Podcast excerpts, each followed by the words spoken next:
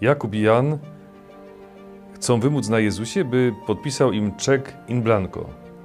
Nauczycielu, czy dasz nam to, o co Cię poprosimy?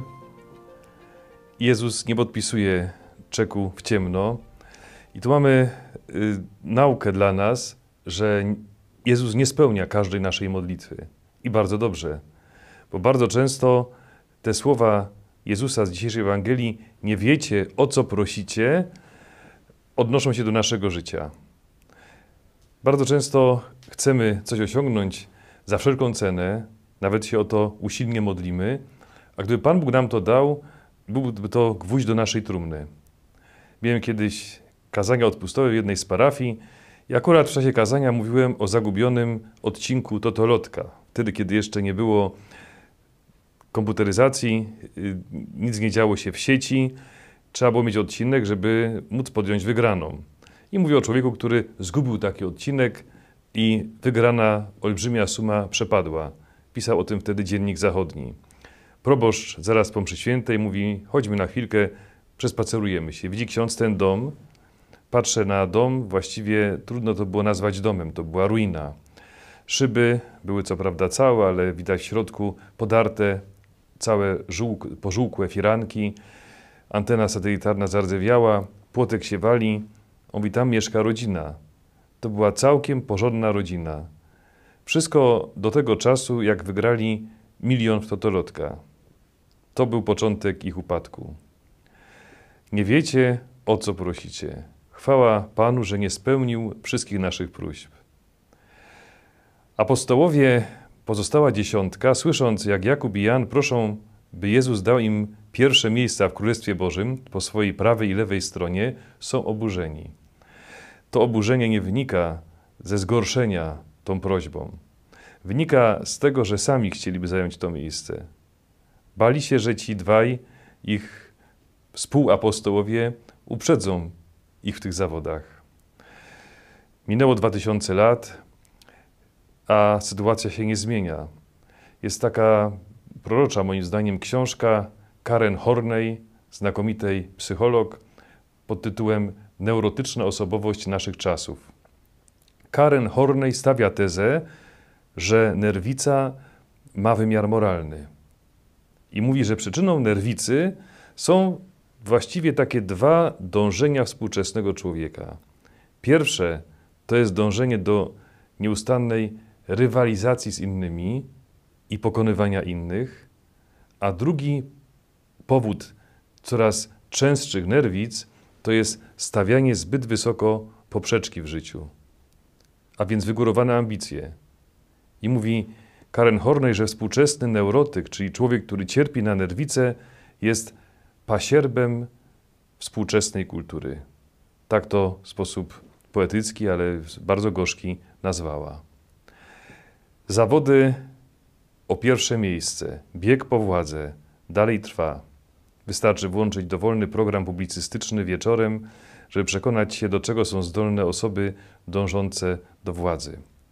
Tymczasem taka pogoń, jeżeli człowiek postawi ją na pierwszym miejscu w życiu, zabija. Potrafi całkowicie zniszczyć życie. Pamiętam jedno z kazań w seminarium. Wypowiedział je nasz kolega starszy, był wtedy diakonem, i mówi, że lęk nie może być nigdy doradcą.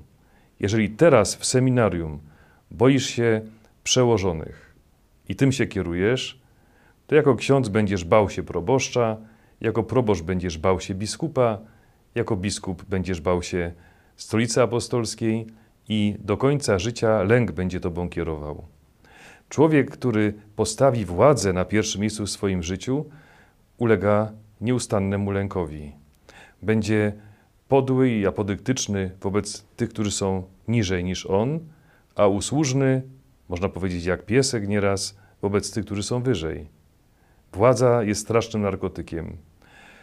Lęk o władzę zabija nie tylko tego, kto dąży do władzy za wszelką cenę, ale także jego otoczenie.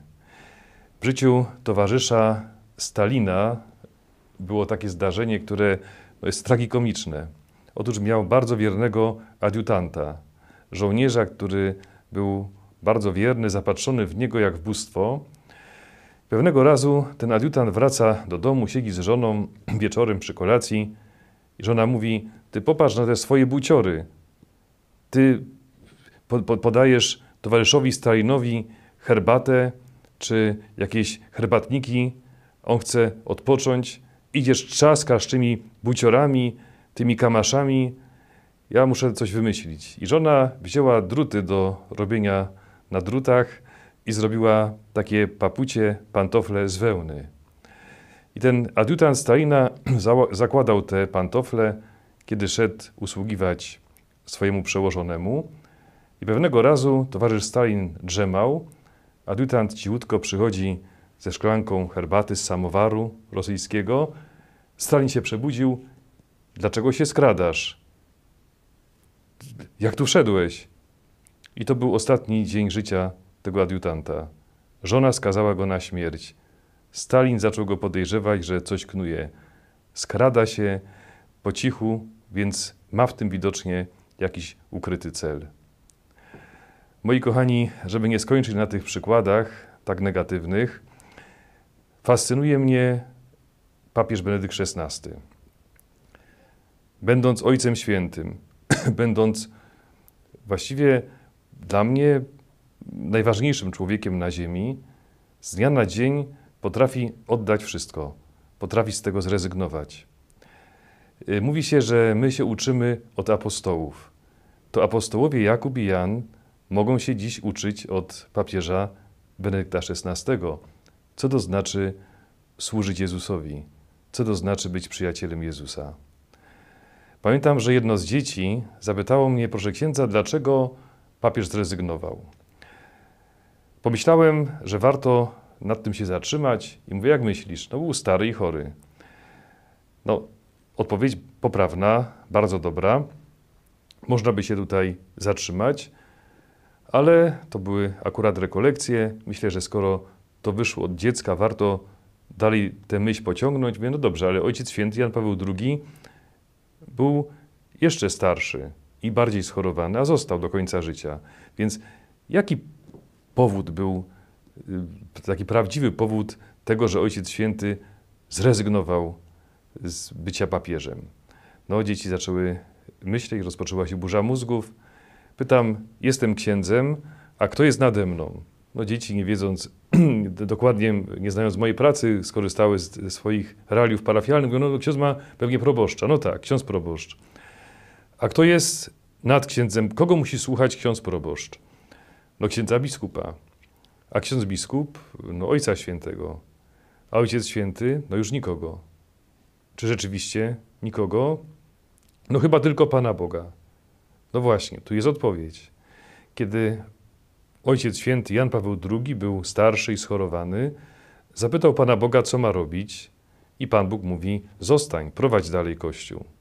A kiedy ojciec święty Benedykt XVI był w takiej samej sytuacji, zadał pytanie Panu Bogu i Pan Bóg mówi: Możesz odejść. Sam papież Benedykt XVI mówi, że rozeznał wolę Pana Boga i tak właśnie odczytał. Zapytał Pana Boga, co ma zrobić. A więc widzimy, że ostatni papieże są posłuszni Bogu, wypełniają Jego wolę, kierują się miłością do Jezusa i Jego Kościoła. I to jest, myślę, najlepszy akcent, jakim możemy zakończyć to dzisiejsze rozważanie. Nie da się dzisiaj załatwić wielu rzeczy bez zaświadczeń. Dla niektórych to jest istny koszmar. Zaświadczenia, karteluszki, potwierdzenia. Ale żeby męczennicy musieli komuś wystawiać zaświadczenie, a jednak tak było. Posłuchajmy księdza Mateusza i księdza Piotra.